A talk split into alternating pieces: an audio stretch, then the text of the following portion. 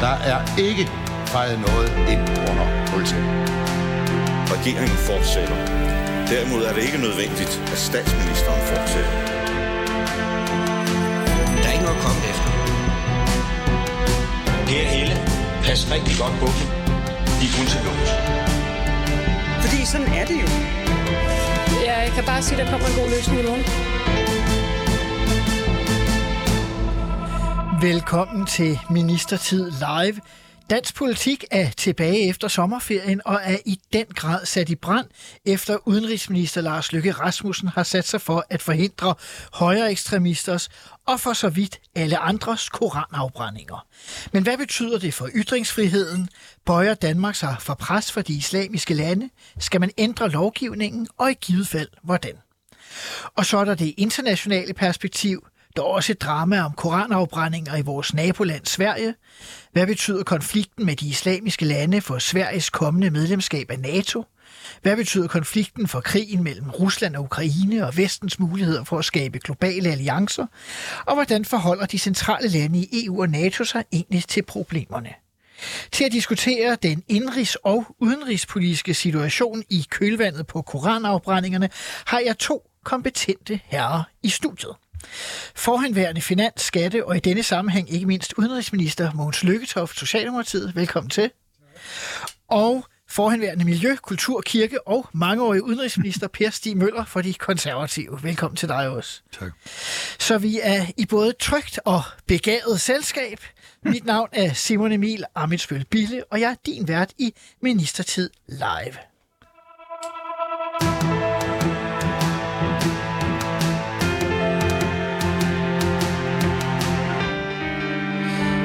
Vi begynder herhjemme. Stram kurs. Øh, Rasmus Paludan og senere også repræsentanter for et par andre højere ekstreme bevægelser, der vist endda begge er udbrydere fra Stram Kurs, har foretaget en række koranafbrændinger. Det har sat verden i brand på sin vis, og det har fået udenrigsminister Lars Løkke Rasmussen til at gå ud med ønsket om, at Danmark skal forbyde de her koranafbrændinger, måske kun foran andre landes ambassader, men på en eller anden måde skal vi finde ud af, hvad vi gør ved det. I går kom statsminister Mette Frederiksen også på banen og bakkede sin udenrigsminister op. Når der ikke kan gribes umiddelbart ind, skyldes det et flertal i Folketinget tilbage i 2017 afskaffede blasfemiparagrafen. Dengang var Lars Løkke statsminister i VLAK-regeringen. Jeg var selv minister, og jeg kan bevidne, at han var forholdsvis modvillig. Men eneste parti, der stemte imod dengang, var Socialdemokratiet. Per Stig Møller, var det en dårlig idé at afskaffe blasfemiparagrafen? Altså, jeg advarede, man diskuterede det jo også, mens jeg var i Folketinget. Jeg sluttede i 15, men før der var det faktisk også til diskussion. Og øh, der advarede jeg lidt, øh, fordi jeg sagde, altså, den var meget værd under Muhammedkrisen. krisen den hjalp mig, men det skulle man jo ikke opretholde den for. Men jeg, den hjalp mig meget, når jeg var rundt i øh, den arabiske verden i de der måneder, hvor vi havde krisen. Ved jeg kunne sige til dem, jamen vi har ytringsfrihed i Danmark, vi har, øh, og hvis man bruger den ulovligt, så har vi domstolen, og regeringen kan ikke gribe ind. Det forstod de alle sammen. Og så kunne jeg pege på, jamen domstolene, de kan tage stilling til, om blasfemigrafen skal bruges. Jeg fortalte dem jo så ikke, at den næsten aldrig blev brugt, men den var der.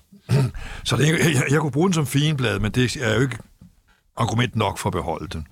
Men øh, man kan jo så se her, at de har fået nogle ytringer, de ikke havde regnet med, men nu viser det sig jo, at det var jo faktisk det, Simon Emil, der var forelagt for regeringen, at hvis man øh, fjerner den paragraf, så får man afbrændinger. Det var jeg ikke klar over, I var blevet advaret om, men det var jo åbenbart ifølge aviserne. Øh, og det er jo så det, man har fået. Men der er det for nu bliver aktuel. Jeg ydt undrer meget over, og jeg nu har set statsministeren, og så har jeg set Venstre sige følgende, at brænde koran er ikke nogen ytring.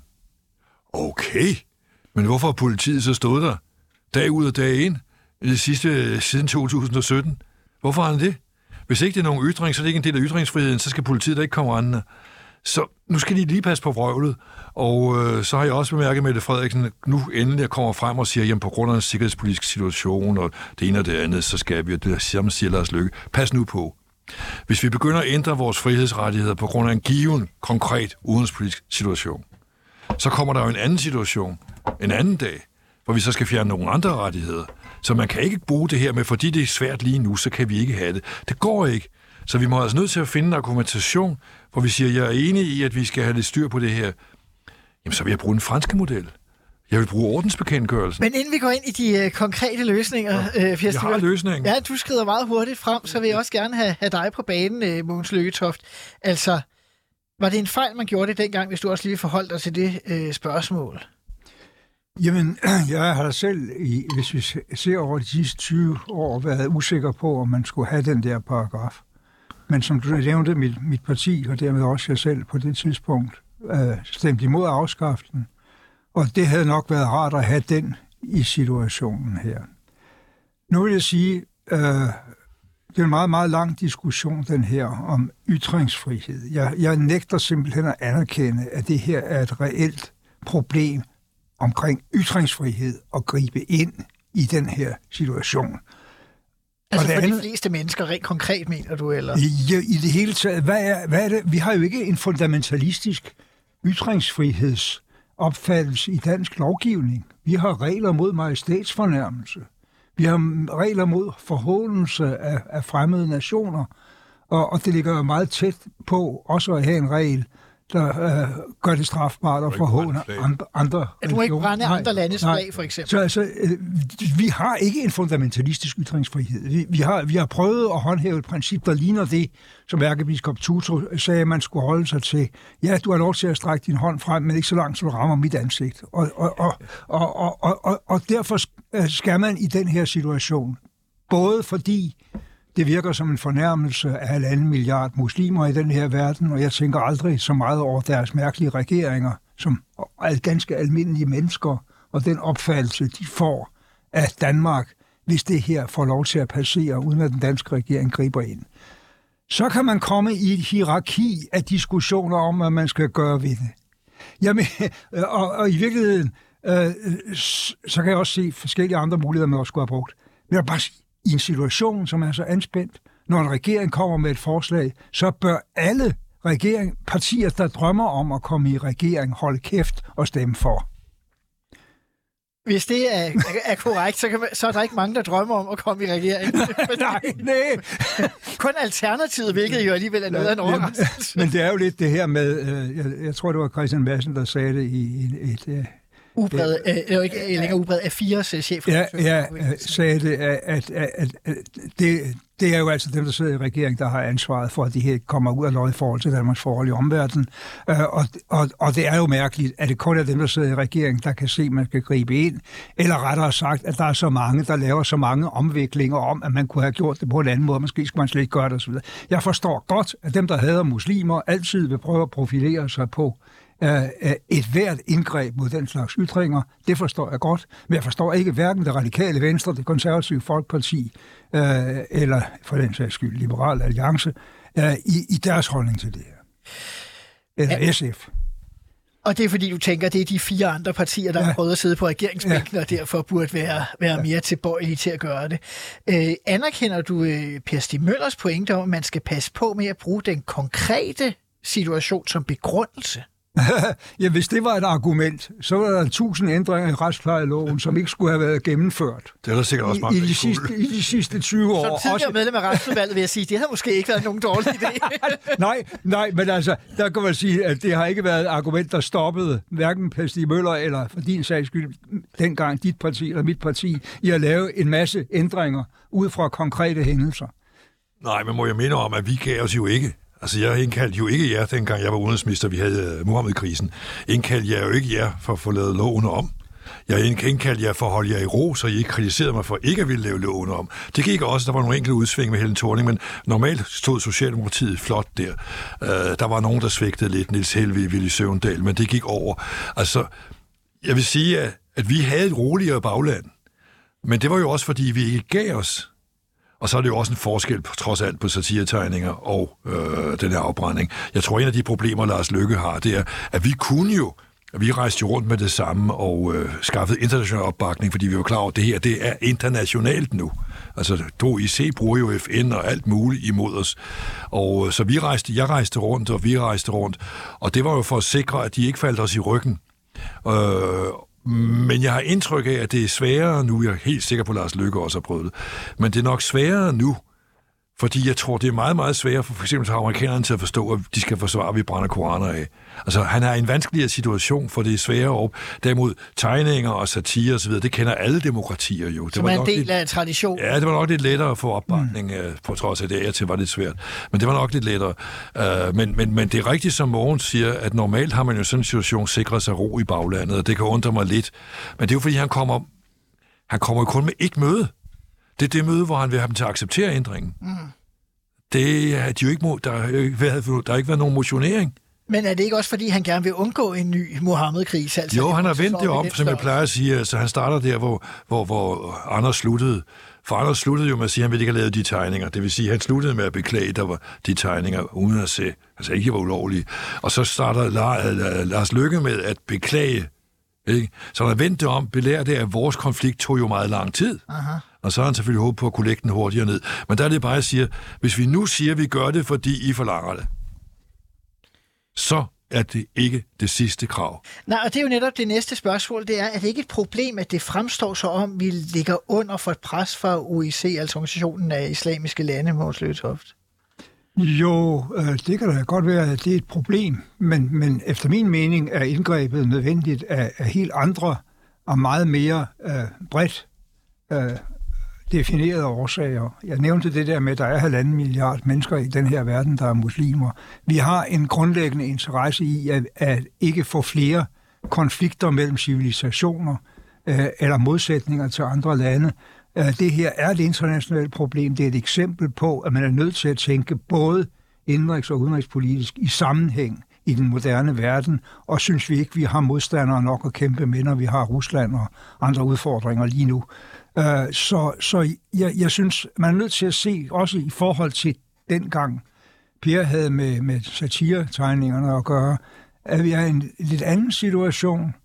Øh, Men jeg synes også, at regeringen i denne her omgang med Lars Løkke, som jeg bestemt ikke altid har været enig med, Det husker vi. det, det, det, øh, men, men han- han har grebet det rigtigt an i modsætning til Anders Fogh dengang, der hele tiden... Så du er faktisk for en gang skyld imponeret over Lars Lykke? Øh, jeg vil nok aldrig bruge ordet imponeret, men enig. enig. Øh, i, i, der var brug for hurtig handling, og så kan man selvfølgelig fra nu af og til dommedag diskutere, om det var lige præcis den handling, men der var brug for et entydigt signal om, og det var også det, der havde været brug for i, i karikaturkrisen i sin tid. Det her, det er ikke den danske regeringspolitik, det er ikke billedet af Danmark, det må vi slå fast over for omverdenen så hurtigt som muligt. Det går jeg også ud fra, at du i gang med. Men jeg, jeg vil godt øh, knytte an til det, Mogens sagde om Class of Civilization, altså civilisationernes sammenstød. Der er jo nogen, der ønsker det sammenstød. Mm-hmm. Og det er jo for eksempel dem, der starter sådan noget her i den arabiske verden, der tager anledning der tager anledning, og så hisser stemningerne op. Det starter jo med altså Sadr nede i Irak. Ah, Hvor mange af dem, der stod og råbte og skreg der, har nogensinde overhovedet hørt om Danmark? Så det er jo, altså, vi skal jo se på det, at de bliver brugt til at skabe stemninger. Det var derfor, jeg skrev i Murmudkrisen, der skrev jeg i begyndelsen af november 2005 til den egyptiske udenrigsminister, for de havde jo også taget anledning til at lave en konflikt med os, fordi de skulle vise, at de var profetens bedste forsvarer. Øh, der skrev jeg så til øh, Abu Ghaid, nu skal du passe på, at du ikke udløser The Class of Civilizations. Aha. Fordi det er det, er der nogen, der vil. Så ekstreme det er det, vi skal undgå. øh, Et forskellige øjeblik, steder det- i verden lever af Jamen, det er det, vi skal være smarte nok Ja, ja, til at undgå. Ligesom hvis du har fodspiller, undskyld, hvis du spiller fodbold, hvis nogen vil lave en beskidt takling, så skal du springe over den. Jamen altså, det der jo er, er den egentlige risiko her, udover at støde nogle mennesker, vi ikke har nogen interesse i at støde, vi ikke har nogen grund til at støde ude i verden, det er jo, at det, her, det der foregår med de der koranafbrændinger foran ambassader, det er nogle danske ekstremister af den allermest idiotiske slags, som appellerer til, at tilsvarende idioter i andre dele af verden skal begynde at brænde noget af, eller skabe nogle andre konflikter. Så, så, så vores opgave er ikke at bidrage til idiotiet øh, fra, fra det danske samfunds side. Og, og, og jeg er helt opmærksom på, at man kan godt snakke med en masse regeringer og, og forklare dem det her, men, men hvis det udløser angreb på Danmark, fysisk på ambassader eller terrorhandlinger i Danmark, er det så en god idé øh, ikke at, at bare lade det passere og ikke reagere på det? Nej, det er det ikke. Øh, jeg bringer lige noget ind, som sikkert øh, måske vil irritere jer, det ved jeg ikke, men Berlingskes øh, chefredaktør Tom Jensen, han skrev på det sociale medie, der for indtil for nylig hed Twitter, og nu hedder X, øh, forleden dag, øh, 1936, hvis blot vi lader Hitler remilitarisere Rhinlandet, der vil han, er han sikkert tilfreds. 2014. Hvis blot vi lukker øjnene for Putins stormagtsdrømme, der vil han sikkert være tilfreds. 2023. Hvis blot vi begrænser retten til islamkritik lidt, der er de islamistiske regimer sikkert tilfredse. Altså, man kan jo godt høre, hvor han vil hen. Det gik ikke så godt de to første gange. Øh, er det forsimplet, eller altså, er der det, en pointe? Det er ikke specielt ved den her lejlighed, Tom Jensen irriterer mig, vil jeg godt sige. og nu er det ude og, og, og give personligt. Nej, men altså, øh, jeg, jeg, altså, man kan jo lave alle mulige former for sammenligninger. Man kan også lave en sammenligning med Goebbels' afbrænding af bøger øh, foran øh, pladsen der i, i Berlin i 1933. Ikke? Jeg synes, man er nødt til at forholde sig meget konkret og aktuelt det er det, vi oplever her, i stedet for at bruge den slags kedelige sammenligninger. Per Stig Møller? Jo, jo, men altså, det er også derfor, jeg siger, hold nu det religiøse argument ude. Og se, derfor, jeg, hvis jeg må komme med forslag, hvornår du vil have det, så har jeg jo forslag til, at man kan holde det religiøse argument ude og løse problemet. Fordi man må ikke give indtryk, det med indtryk af OIC, for jeg har jo haft med dem at gøre. Jamen, mm. men dog. Mm-hmm. Altså, deres generalsekretær, han var jo vild og ude og ville have en kolossal masse igennem. Dengang var der 1,3 milliarder, jeg ikke måtte krænke. Nu er der så 1,5. Jeg læste i går, der var altså også en af de muslimske ledere, der sagde, at nu er der 2 milliarder, vi ikke må krænke. Altså 50 procent flere på de 20 år, som vi ikke må krænke. Altså, den kommer de med hele tiden. Og når du så imødekomme på et punkt, så mangler der jo stadigvæk det her, men du ikke må krænke profeten. Aha. Så er det det næste, du må ikke krænke islam. Islamofobi, de har fået vedtaget en dag, islamofobi-dag i FN. Der er ikke en kristen dag. Der er ikke en buddhistisk dag. Altså, de bliver ved, og det vil sige, de vil have nogle globale indrømmelser. De har jo fået dem. De har jo vundet i Menneskerettighedsrådet. Vi fik stanset dem i 2009 i Menneskerettighedsrådet og fik vores ting igennem i stedet for. Men der må vi i Europa man kan jo ikke forbrejde dem, at de vil have deres synspunkter igennem. Men der må vi jo være langt dygtigere til at formulere vores egne synspunkter og skaffe opbakning til det. Men Per Stig Møller, lige meget hvad vi tre kan stå og sidde her i et studie og, og tale os frem til, er der så ikke stadig problemet med, at det ser ud som, at det er en... Nå, det er jo derfor, jeg siger, du skal bruge ordensbekendtgørelsen. Uh, den har du faktisk kunne bruge hele tiden. Uh, når nu statsministeren og Venstre siger, at det er slet ikke nogen ytring, så falder det ikke under ytringsfriheden så er der altså ballade. Så falder det under politivedtægterne. Og øh, så skal man ikke øh, sende en masse betjente ud. Så skal man bare tage dem væk, som fjerner det. Vil jeg sige, det, det er da min pointe, hvis jeg må sige det nu. Det er, at vi må sidestille religiøse handlinger eller aktioner med alle andre. Altså, de unge, der sætter sig på Sørens Boulevard og låser, øh, limer sig fast til den, de gør det jo ikke, fordi de elsker asfalt og lim. De gør det jo, fordi de, det er en ytring. Det er en ytring mod den manglende klimaindsats. Når de sætter sig i Heathrow Airport på samme måde, øh, så er det jo ikke, fordi de elsker at genere folk.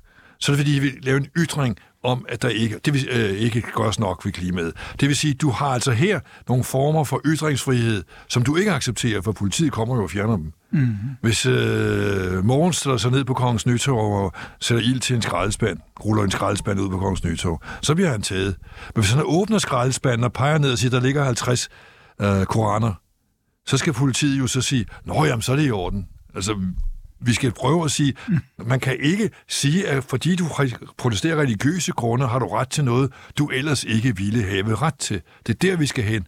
Og så er det altså en sekularisering i stedet for en religiøs debat. Men så lad os gå videre til det her med, hvad kan man gøre, hvis man skal gøre noget? Ordensbekendtgørelsen, som Per Stimøller siger, at det, det er oplagte svar, Måns Lykketoft.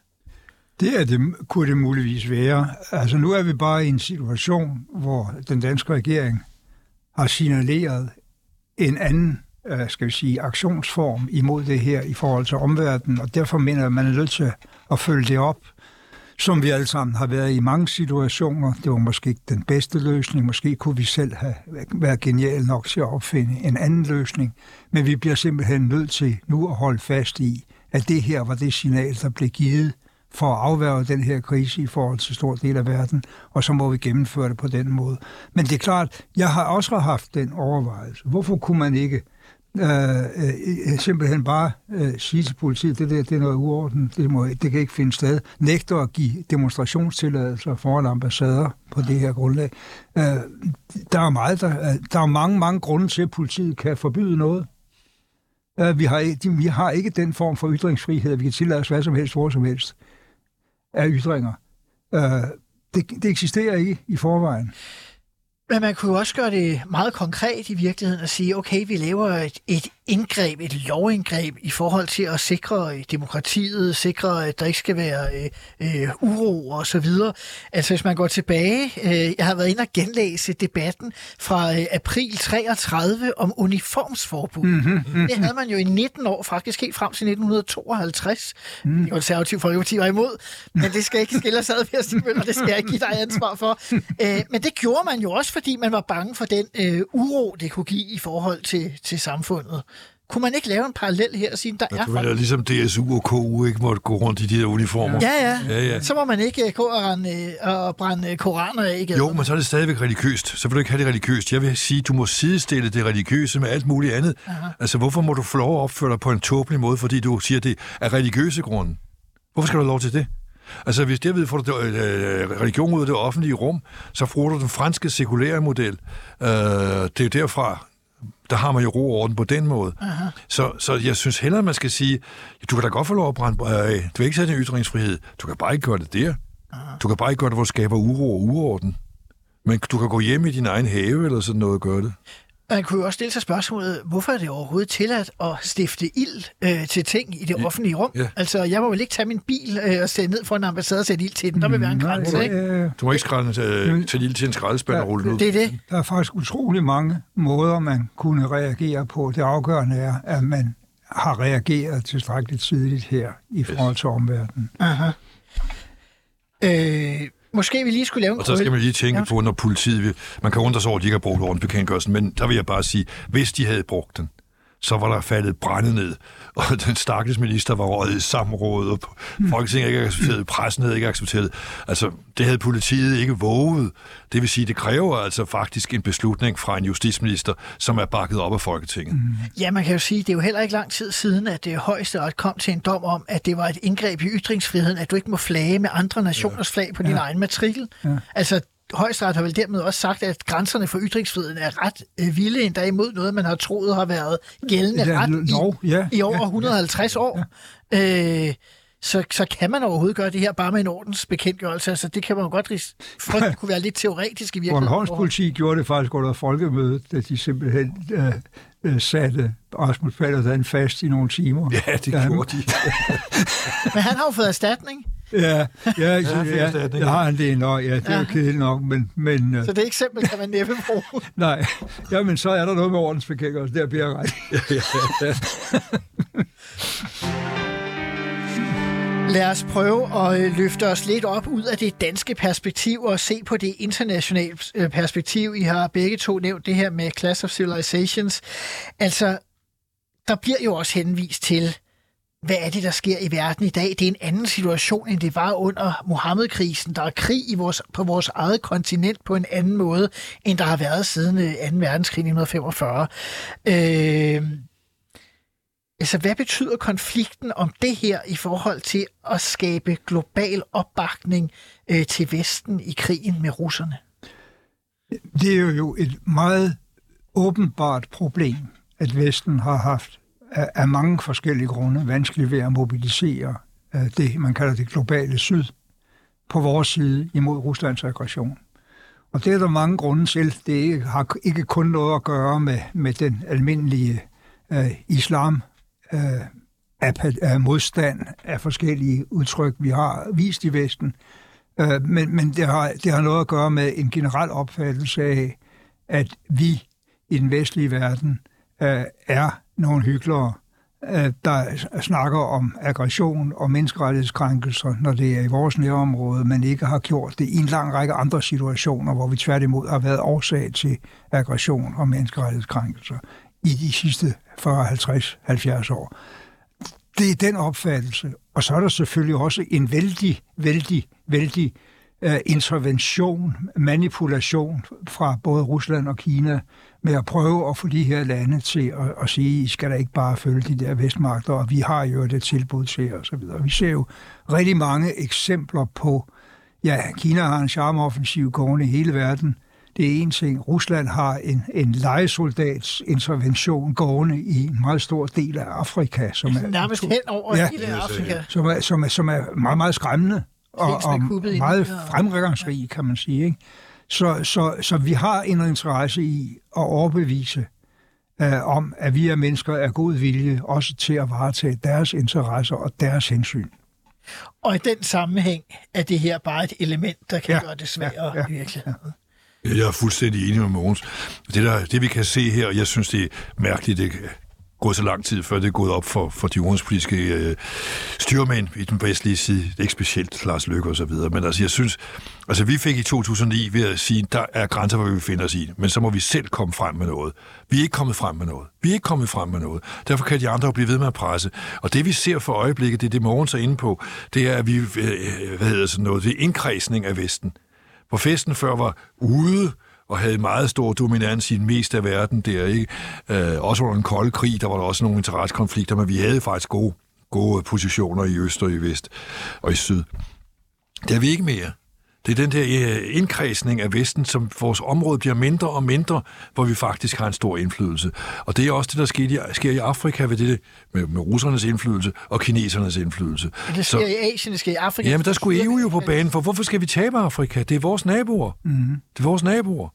Og øh, jeg har foreslået i overvis, at EU og AU indgår et altså snævert politisk, økonomisk samarbejde. Det gør de. Og man kan også se, AU og ECOWAS har jo altså stadigvæk nogle kræfter, fordi de tror jo altså Niger med, at de kan gribe ind. Så vi skal jo hellere styrke dem, i stedet for at lade dem falde over til russerne og kineserne. Så vi har, jeg, synes, vi har, vi har, jeg synes, vi har opereret for slapt og for selvsikkert i forhold til den tredje verden. Det har jo så givet de andre mulighed for at gøre den vestfjendtlig. Og den er vestfjendtlig. Og der må man jo sige, at hvis vi skal hjælpe Afrika op, kan det altså ikke nytte noget, at vi bruger alle vores penge på en krig med Ukraine. Den skal vi bruge pengene på. Men så må vi sige til dem, I må da hjælpe os til at få stand til den krig. Mm. Det er jo ikke russerne, der kommer og giver jer en masse penge. Det er os. Så kom nu og hjælp os med at stands krigen, altså undsige russerne. Altså, vi er ikke dygtige nok til at gå ud og der tænker jeg ikke på den danske regering, det kan den jo ikke, men altså EU-niveauet, den amerikanske niveau, ikke? Amerika har jo også fået isoleret sig. Så, så jeg synes, der, der er stadigvæk en kolossal, der er meget, der skal gøres for at, være, for at indse, at vi er kommet i en helt anden situation, end vi var for 20-30 år siden. Men er debatten i Danmark så i virkeligheden for provinciel, ja undskyld udtrykket, altså forstået på den måde, at vi lyder så om, at det stadig var, som det var, da Mohammed-krisen var der, øh, hvor der måske ikke var øh, krig på det europæiske kontinent, hvor at Kina ikke var kommet nær så langt i deres charmeoffensiv, hvor at det globale syd måske ikke på samme måde havde vendt sig imod Danmark, og vi tror, det er business as usual nærmest som under den kolde krig. Ja, vi havde brohoveder i Afrika dengang, det ved jeg ikke, om man har nu. Uh, vi havde Marokko, og vi havde Senegal og sådan nogen ja. på vores side. De er jo også med i OIC. Og det var jo, det var jo en af grunden til, at vi fik sprængt UIC i 2009 og fik det igennem, at alle har mennesker tale, tros, ytrings- og informationsfrihed. Øh, det er jo så det, der er faldet nu i Menneskerettighedsrådet. Ikke? Nu det, har de fået deres ting igennem. Det er derfor, jeg siger, at de bliver ved. Ligesom vand kommer ind igennem sprækkerne, kommer de også ind igennem sprækkerne. Øh, og der er det altså, nytter det ikke noget, at vi ikke går ud i verden. Vi skal ud i verden for at få, få støtte og det burde også være muligt med Afrika, men det kræver altså, at de får tillid til, at vi vil dem det godt, og ikke bare udnytte dem. Og det er jo det, kineserne og russerne siger til dem. De kommer bare og udnytter jer. Dem, der udnytter Afrika, det er jo faktisk ikke Europa. Det er Rusland og Kina. Så jeg mener, der er stor mark at arbejde på. Undskyld, jeg skal lige gøre det færdigt. Den arabiske verden har jo også den der... Altså for nogle år siden, hvis øh, oliepriserne steg, så kunne Amerika ringe til Saudi-Arabien og sætte, produk- sætte produktionen op, så priserne falder. Ja, det prøvede de også. Men russerne ringede og sagde det modsatte, og de fulgte russerne. Måns? Ja, der er jo en dimension til i det her med, at de ikke synes, øh, vi varetager deres interesser godt nok, og det er måske efterhånden det, der vokser allermest øh, i, i bevidstheden. Vi har en fuldstændig rappelende, accelererende klimakatastrofe. Den er forårsaget af vores forbrugsmønster de sidste 200 år, Øh, men den rammer utrolig meget hårdere på økonomi, velfærd, øh, med naturkatastrofer, for eksempel i, i, i det midterste af Afrika. Øh, og, og vi har, vi har den der lang øh, dragtrykker-diskussion i FN's klimapanel om, om, om ikke vi skulle tage og hjælpe dem med omstillingen til klima. Vi er simpelthen nødt til at hjælpe dem til omstillingen til klima. Dels fordi det er vores egen langsigtede klima, vi hjælper på den måde, men det er også fordi, ellers er vi ikke i stand til at, at, at overtrumfe Kina og Rusland i deres forsøg på at sige, det er os, der er jeres gode venner. Vi er nødt til at vise en offervilje, som er, øh, ja, øh, der skal oprustes lige så meget på både national og international klimastøtte, som der skal øh, på at, at redde Ukraine fra aggressionen i Rusland. Men det er jo det, jeg øh, har et artikel om i Berlingerne i dag, præcis det her. Fordi du har fuldstændig ret, Mogens. Vi har bare den ab- absurde situation. Jeg hørte Ulrik Vestergaard Knudsen i Deadline og kørte Tidligere departementchef Ja, øh, og øh, vicegeneralsekretær i OECD, nu, ja. hvor han så var dybt pessimistisk Ja. ja. af følgende grund. De store problemer, som Mogens peger på, dem får vi ikke gjort nok ved, fordi nu skal vi bruge alle vores penge på nogle mere akutte problemer, der kommer ind foran os, som selvfølgelig skal løses. Coronaen, du ikke sige, det gør vi ikke noget ved, for vi har et klimaproblem, så det, der røg pengene der. Så kommer Ukrainekrigen, fuldstændig overflødig, vanvittig krig, som Putin udløser. Men vi kan jo ikke bare sige, okay, så lad Putin få Ukraine, hvis vi skal bruge pengene i Afrika. Det er det, der er problemet, at vi hele tiden får noget ind foran klimaproblemet. Og det synes jeg altså også, man skulle forklare afrikanerne. Præcis det, Morgen siger. Det vil vi meget gerne hjælpe jer med, fordi vi har jo heller ikke interesse i, at Afrika bryder sammen. For hvor tager de hen? De tager over Middelhavet. Og jeg synes, der kunne gøres meget mere for at sikre og vinde Afrika, øh, end- vi gør. Fordi Mogens har ret i, at vi skal bruge alle de penge der, for Afrika ikke bryder sammen. For de også for økonomisk udvikling, så de også for arbejde, så de bliver hjemme i stedet for at tage over i Middelhavet. Men det kræver, at vi har pengene. Dem har vi ikke, fordi Putin har lavet en krig, som bruger en kolossal masse penge, og vi kommer til at komme, koste endnu mere. Så, så jeg synes, der er virkelig mulighed for at føre en udenrigspolitik, øh, som, som skulle kunne vende situationen for os. Men I kridter jo meget godt banen op for, hvorfor det er, det er svært for Vesten, også i den situation, og det tema, vi diskuterer her i dag, bare lige for at vende tilbage til det, øh, der egentlig er på dagsordenen, fordi Og penge er jo sammen som ja, Emil. det er jo derfor, jeg synes, det var rart ja. at, øh, at få det på, og derfor vi har tematiseret det. Øh, jeg kunne bare godt også tænke mig at vende tilbage til, altså det her foregår ikke kun i Danmark. Det foregår også i Sverige. Der er både nogle af de samme øh, typer, der har været i Danmark. Rasmus Paludan er jo både dansk og svensk statsborger. Der, effekten af dobbelt statsborgerskab, det er alle øh, de gode liberale sejre, vi har fået i løbet af de sidste nul, og det giver nogle uforudsete øh, sidegevinster. Øh, der er også en, en irakisk kristen flygtning, der har, har lavet et særligt show øh, derovre øh, med at brænde koraner af. Men det formål, eksplicit formål, at få, tror jeg, er forbudt islam i Sverige, øh, koranen i hvert fald. Det er jo øh, mærkeligt. Øh, men hele den her situation i forhold til Sveriges optagelse i NATO, Præcis. Ja. altså, hvad kan de arme svenskere gøre?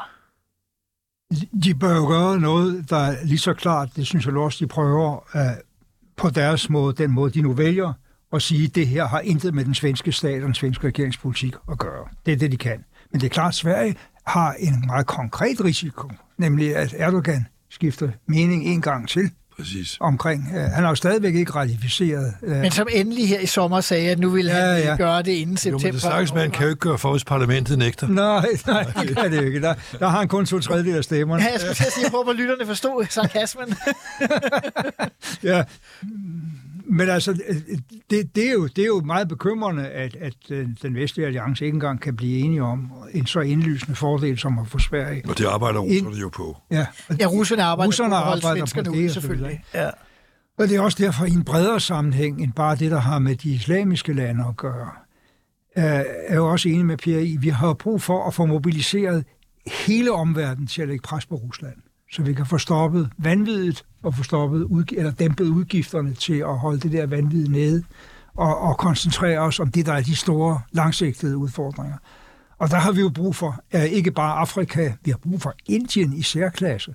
Uh, Indien uh, burde være dem, der kunne sige noget til Rusland. Vi har også brug for at udforske alle muligheder for at få Kina til at gøre det også. Det ser meget besværligt ud, men vi har brug for det. Som kineserne siger, jeg har drøftet med nogle, kine, den kines, nogle kinesiske ledere, og øh, jeg siger, hvorfor gør I ikke det her? Altså, Ja. I har jo brug for, at der ikke er den konflikt Ja, i verden, for I har brug for økonomisk fremgang, I har brug for samarbejde, og ikke den konflikt. Så siger de, ja, men det er jo egentlig ikke ja, der er vores venner. Det er jo Rusland. I kommer jo ikke og siger venlige ting til os. Altså, jeg synes, vi fra vestens side har været lidt kold høne i forhold til Kina.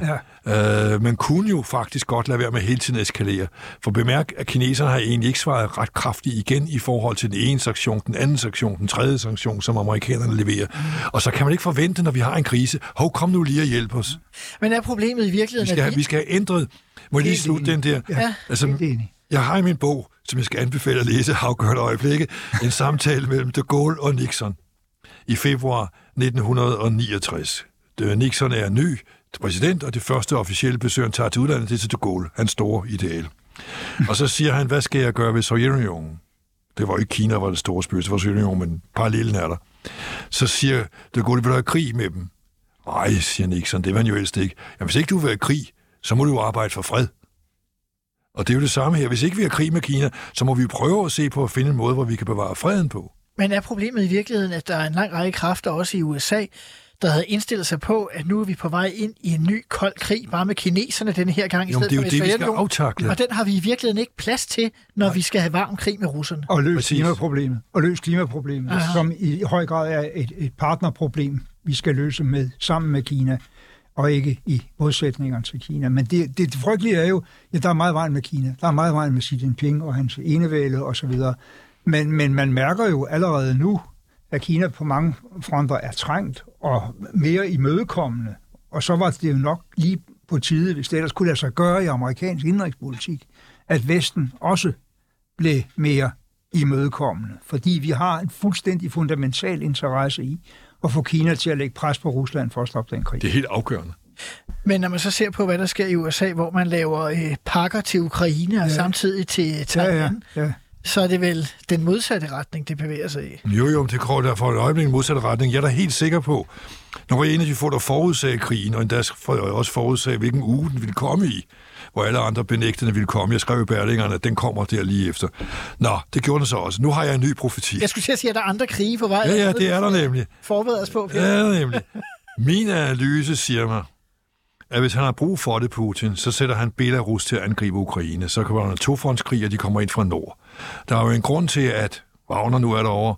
Der er også en grund til, at Putin for nylig sagde, et angreb på Belarus er et angreb på Rusland. Aha. Jamen, vi drømmer jo ikke om at angribe Belarus. det vil sige, det er jo kun, hvis Belarus er gået i krig med Ukraine, ja, så er de i en situation, hvor de kan blive ramt. Og, øh, og der advarer han altså imod. Og det siger mig, at det er ikke sikkert, at han gør det, det kommer an på situationen på slagmarken, men har han behov for det, fordi Ukraine for eksempel går ind på Krim, så sætter han Belarus ind fra nord. Så er vi en endnu større krig. Aha. En endnu større krig. Og hvad kan vi gøre i den situation? Ja, der kan vi jo stadig ikke gøre noget. Men for eksempel korneksporten, der kunne vi jo gøre det, at vi sætte øh, eskorte til de der kornskibe. Ikke NATO-eskorte, men man kunne jo godt... Ægypten har interesse i det. De har brug for det brød. Afrika har interesse i det. Tyrkiet, vi. Så EU, Tyrkiet, Ægypten kunne for eksempel sige, at vi eskorterer og ligesom Putin hele tiden siger, hvis I gør det, så, gør jeg, så, så bliver jeg vred.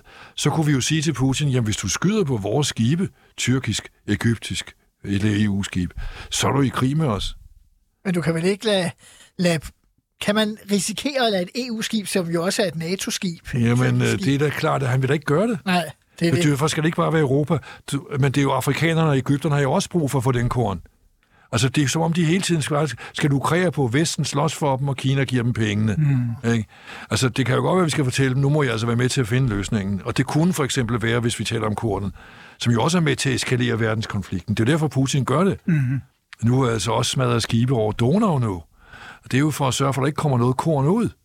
Men det er den tredje verden, der, øh, de fattige, der bliver ramt mest. Præcis. Så der synes jeg igen, vi har nogle fælles interesser, vi skulle prøve at få opdyrket for eksempel med Ægypten og med, med, med, med en eller anden afrikansk land, Nigeria, hvem der nu kan sende et hangarskib op til at eskortere. Jamen, ja, han gør det jo hele tiden og siger, hvis I gør sådan, så bliver jeg vred. Ja, vi kunne jo også prøve at tage os sammen og sige, ja, hvis du gør sådan, så bliver vi meget vrede. Så vi reagerer simpelthen for slapt? Ja, det gør vi. Er du enig i det, Måns så? Det er meget svært at vurdere, om vi reagerer for slapt. Jeg mener, at man kan, man kan konstatere, at vi har reageret for langsomt, øh, også med optrapningen af militært udstyr til, til Ukraine. Fordi det er klart, at, at det her kan blive til en utrolig lang, øh, ødelæggende, udmattende øh, kamp for Ukraine i nogle skyttegrave, hvor vi godt nok bliver ved med at sende flere våben, men hvor de kan blive ved med at sende flere soldater. Det kan, det kan, kan vare uendelig lang tid og være ens betydende med, at Ukraine måske ikke bliver erobret, men i hvert fald bliver fuldstændig ødelagt og nedslidt. Det er risikoen. Og det, er igen, altså for at repetere os selv her, vi, vi er jo helt enige, øh, begrundelsen for, at vi skal have resten af verden til at line op i et pres på Rusland. Hvis vi ser på, nu øh, nærmer vi os øh, den sidste fjerdedel af udsendelsen, eller vi er i den fjerde, sidste fjerdedel af udsendelsen, øh, og jeg vil stadig gerne prøve at holde jer fast på det øh, tema, der egentlig øh, er i dag. Øh, du var lidt inde på det på et tidspunkt, Per Stig. Altså, når vi ser på de her afbrændingssager, øh, vi ser på, øh, vi tager initiativer, og det ser på, hvordan det påvirker det internationale osv., Altså, hvad tænker de om de her sager i Washington og London, Paris? Jamen, der tror jeg, at de, de har enorm sympati for, for, for, for øh, koranafbrændinger. Ej, det havde jeg også svært ved at forestille Ja, jamen, det har mig. de ikke. Men, men, men i jeg forhold til... bemærkede jo, at regeringen siger hele tiden, at det kun er Sverige og Danmark. Mm-hmm. Det er tilladt. Men jeg har altså også konstateret, at Norge har jo haft en debat om, det jo fastholder, at det skal være tilladt at brænde koraner af, så det er altså Skandinavien som sådan, der er i den situation. Og, og det er jo så det, vi så kommer til at betale for nu. Men øh, Men hvilket pres har du for eksempel øh, oplevet i sådan nogle situationer? Jeg? Ja. Ja, vi være udsat for et kæmpe pres, men vi øh, stod jo også imod det. Uh-huh. Øh, men der er det jo så, som du er inde på, det var lettere for mig at få opbakning i verden, fordi det var mere forståeligt. Altså selvfølgelig har man satirefrihed i, i et demokrati. Det var jo også det, afrikanerne accepterede, det vi fik brudt alliancen der, ikke? Selvfølgelig har man det. Men der er ikke nogen sympati udover altså i Norge og Sverige for at brænde koraner af, og derfor får du ikke den internationale opbakning. Der forstår Danmark alene, og det har regeringen ret i. Men det, regeringen er udsat for, det er også bare for at forklare lytterne, det- er mere, altså bliver, de ringet, bliver regeringen ringet op af Washington, London? Nej, det gør de ikke, for de vil, jo se, de vil jo sidde i Washington og sige, hvordan, hvordan, ja, ja, hvordan, øh, hvordan klarer de den, ikke? Aha. Men det er jo så den danske regering eller den danske ambassadør, som går op der og snakker med det hvide hus, ikke med præsidenten, med det hvide hus. Uh, man har kontakter i alle hovedstederne. Er de der i gang? Den danske ambassade er der i gang alle steder. Alle steder ambassadørerne der er i gang i Ægypten, i London, i Paris, i uh, Buenos Aires, i uh, Rio de Janeiro, i Brasilia, i Washington. Og resten af verden. Ja, resten af verden og Canada. De er der i gang. Men, men det er sværere trods alt end det, vi var udsat for, for der var mere forståelse for, øh, at selvfølgelig skal der være, være fri satire. Der er ikke forståelse for, at der skal være fri afbrænding af koraner på øh, foran ambassaderne. Men når vi har forbudt afbrændinger af koraner foran ambassader på den ene, den anden eller den tredje måde, som vi diskuterede tidligere, går der så ikke tre måneder, så siger de, hvorfor får de kun bøder? Hvorfor kommer de ikke i fængsel? Jo, men altså, jeg, jeg tror nu alligevel, at det her, ligesom Mohammed-krisen, som man kaldte den, koran, øh, karikaturkrisen i, øh, hvad var det, 0,5-6 stykker, ja, øh, at det afgør... 6 og 8. Ja, ja, det blev ved. Ja. Men altså, at det afgørende var, at der var en regering, der efterhånden, alt for langsomt dengang, hurtigere nu, får markeret, det er ikke dansk politik. Det er ikke noget, vi ønsker i Danmark. Det er noget, vi tager afstand fra. Vi synes, det er utåligt idiotisk. Øh, og det kan man så gøre på mange forskellige måder. Men, men, men, men det er gjort nu. Og det tror jeg er tilstrækkeligt. Og, og, og apropos den såkaldte ytringsfrihedsdiskussion, jeg kan ikke forestille mig en større magt i Europa eller i Nordamerika, som ikke synes, det er godt, at den danske regering tager det initiativ til at stoppe det her. Det er da helt givet. Altså, det er jeg ikke i tvivl om. Man kan også se uh, den befolkningssammensætningen Ja. ja. i London og ja. i Washington og så videre. Tæller det også for det, du siger? ja. Der, bliver, der, der bliver der mindre og mindre forståelse for en, en vestlig uh, nedrakning, nedvurdering af islam, fordi islam er jo altså alle steder, det er også i Paris. Ikke? Så det vil de jo alle sammen have ro med. Der er jo ikke nogen øh, præsident eller statsminister rundt omkring i den vestlige verden, der går ud og siger, det var flot Danmark, brænd nogle flere af, for så får de selv problemer i deres gader. Øh, så, så, så, så de synes, i modsætning til altså med satirerne, Og der kunne man også få Kofi Annan og så videre på vores side. Men det er da meget sværere øh, at prøve at forlange en total opbakning til Danmark, fordi nogle kn- øh, knaldhoveder skal overbrænde nogle... Øh, øh, Men, når- men når jeg hører jer, altså Måns Lykketoft, du lægger dig meget på linje med statsminister Mette Frederiksen i virkeligheden og siger, det her handler slet ikke om ytringsfrihed, det handler om noget andet. Ja. Per Stig, du lægger dig et lille stykke ved siden af, som jeg hører det som, at vi skal have det til ikke at handle om ytringsfrihed. ja, det er præcis, vi skal have det til over. Jamen, vi, nej, nej. Eller hvad? Jeg, jeg, Det er jeg, har sagt det lidt tidligere. Jeg synes, Mette Frederiksen er ude i vrøvlet, ikke? Det var det. For hvis man siger, at det ikke er ytring, det der, så siger jeg bare, hvad i alverden brugte man så politiet til? Ja, ja. Og jeg prøver at få det religiøse ud af diskussionen og siger, at det er den offentlige uorden, det drejer sig om. Du kan brænde alt de her øh, koraner af hjemme i din have eller i sommerhusgrunden, som du vil, men, men du kan ikke gøre det på offentlig territorium. Og, øh, og så kan man gribe ind. Fordi du må heller ikke brænde skraldespand af, som jeg sagde. Du må heller ikke sætte dig på gaden og demonstrere mod, øh, med, mod bilerne og luftfarten for at demonstrere for klimaet. Der er en masse ting, du ikke må af hensyn til den offentlige orden og samfærdsel. Hvis vi nu ser fremad øh, i de tider, der kommer, øh, Per Stig Møller, du var også ude, og det i Berlingske Tidene, hvor var det, du sagde, at det kunne også være, at det var sådan en klassisk Lars Lykke-manøvre, vi var ude i her, ikke? Det altså, tror jeg, ikke, jeg tror ikke, det er rigtigt, hvad jeg sagde. Nej, Det var, nej, nu, nu, det var en hypotese. Nu prøver vi lige at tale om den, fordi jeg vender lige tilbage. I 2017, da man vedtog blasfemiparagrafen. Jeg har selv beskrevet det i en bog, jeg har udgivet tidligere i år. Jeg sad på gårdspladsen på Marienborg sammen med Lars Lykke og Anders Samuelsen. Lars Lykke var meget imod, at vi skulle afskaffe blasfemiparagrafen, men han kunne ligesom godt se, at det var den vej, vinden blæste. Og 30 sekunder inden han giver sig, så når han at sige, at jeg frygter, det ender med, at vi kommer til at se afbrændinger af koraner. Mm. Citat slut. Ja. Jeg skrev det ned samme dag. Øh, så det ved jeg, han sagde. Men han, når det var det, der var, var det mulige, og vi skulle videre, og så han gav sig, og han udsendte pressemeddelelse, hvad ved jeg om, at det, det var helt fantastisk at gøre det.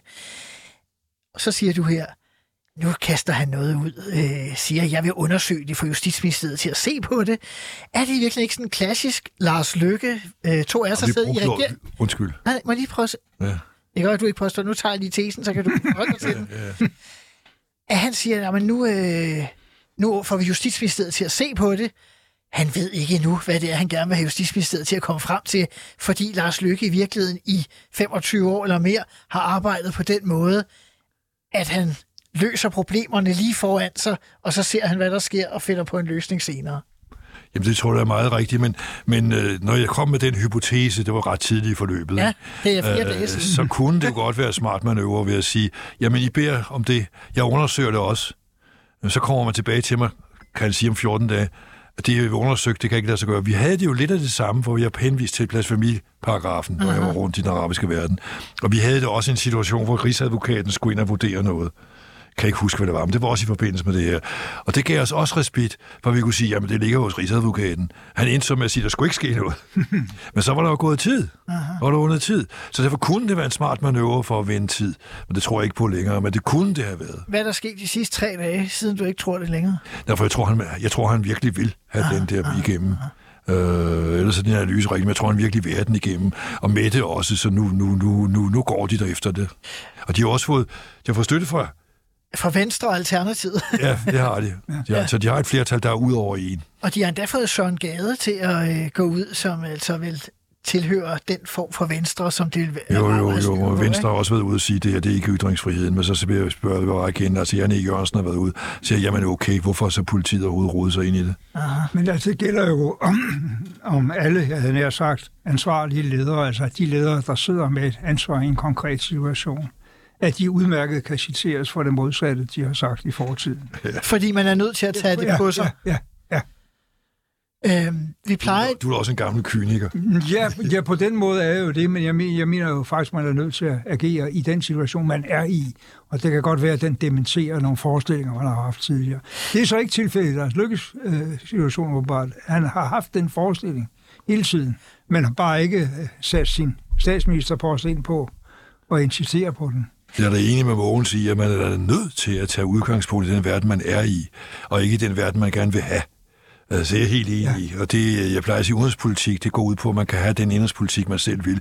Udenrigsministerens opgave er at sørge for, at landet ikke kommer under pres. Ja. Det er vi så nu. Og så er opgaven at finde ud af, hvordan kommer vi ud af det pres. Og man kan vel også sige, apropos, at det var en anden situation. Ja, ja. Og derfor kan man jo godt have et synspunkt i en situation, og Ja, et ja, andet synspunkt selvfølgelig. i en anden. Men altså, manden havde jo ret, ikke? Så nu og så vise sig, hvad der kom ud af, at du øh, kæmpede ham ned i regeringen. tak skal du have, Stig. Jeg plejer at slutte de her udsendelser af med at sige, hvad er status for SVM-regeringen? Og det kan vi gøre i forhold til den her sag. Vi har vel nærmest konkluderet for Lars Løkke, der er det her vel en god sag. Han har startet sit parti på at være imod Paludan og højere ekstremister, hvad ved jeg. Den ligger vel fint til ham, eller hvad, tænker I? Jo, men altså, med, med, Lars Løkke har jo markeret sig som landets reelle statsminister igennem den senere tid. Det, det har jo været helt tydeligt. Nu kom så Mette på banen med lidt forkølet retorik. Øh, det er værst for Venstre. Ja, hvis vi lige gemmer Venstre... Fordi Venstre... Ja, nå, okay. Hvordan står Mette Frederiksen, synes I, i den her sag? Jamen, hun gør det. Hun har været meget fornuftig. Nu skal Mogens sige noget. Men altså, hun har jo været meget fornuftig med ikke som hidtil bare at gå frem og være den, der styrer det er udenrigsministerens bord, og Lars Løkke vil nok også være meget fri for, at Mette går ind over hans øh, område og styrer det. Øh, så det har været meget rigtigt. En statsminister skal ikke på banen hele tiden. Men så har hun været for lang tid om det. Hun går på ferie, men tager til Paris for at lige hylde øh, en, en cykelrytter, og ellers mente hun ikke noget, vel? Altså, hun har været for svag i situationen, og så kommer hun så lidt for frøvlet, efter min opfattelse, ud i går. Så hun er svækket. Lars Lykke er styrket. Men er det en sværere sag, Mogens Lykketoft, for Mette Frederiksen som socialdemokrat, end det er for Lars Lykke med hans one-man-show? Jeg tror, jeg tror egentlig, at statsministeren er alene at det, at hun kommer sådan lidt senere ind i billedet, er udtryk for, at den her regering blandt andet er dannet for at afhjælpe indtrykket af, at hun majoriserer alting. Præcis. Ikke? Øh, og, og respektere, at nu er der så en minister på området. Jeg tror ikke, det er udtryk for nogen uenighed. Jeg tror heller ikke, det belaster Socialdemokratiet, selvom uden at skal vide, at uh, Dansk Folkeparti og andre uh, sjove mennesker vil gøre, hvad de kan. Men jeg tænker, en kort, en kort Dybvad, en Mathias Tesfaye, en uh, Peter Hummelgaard, synes de bare, at det her det er fjom?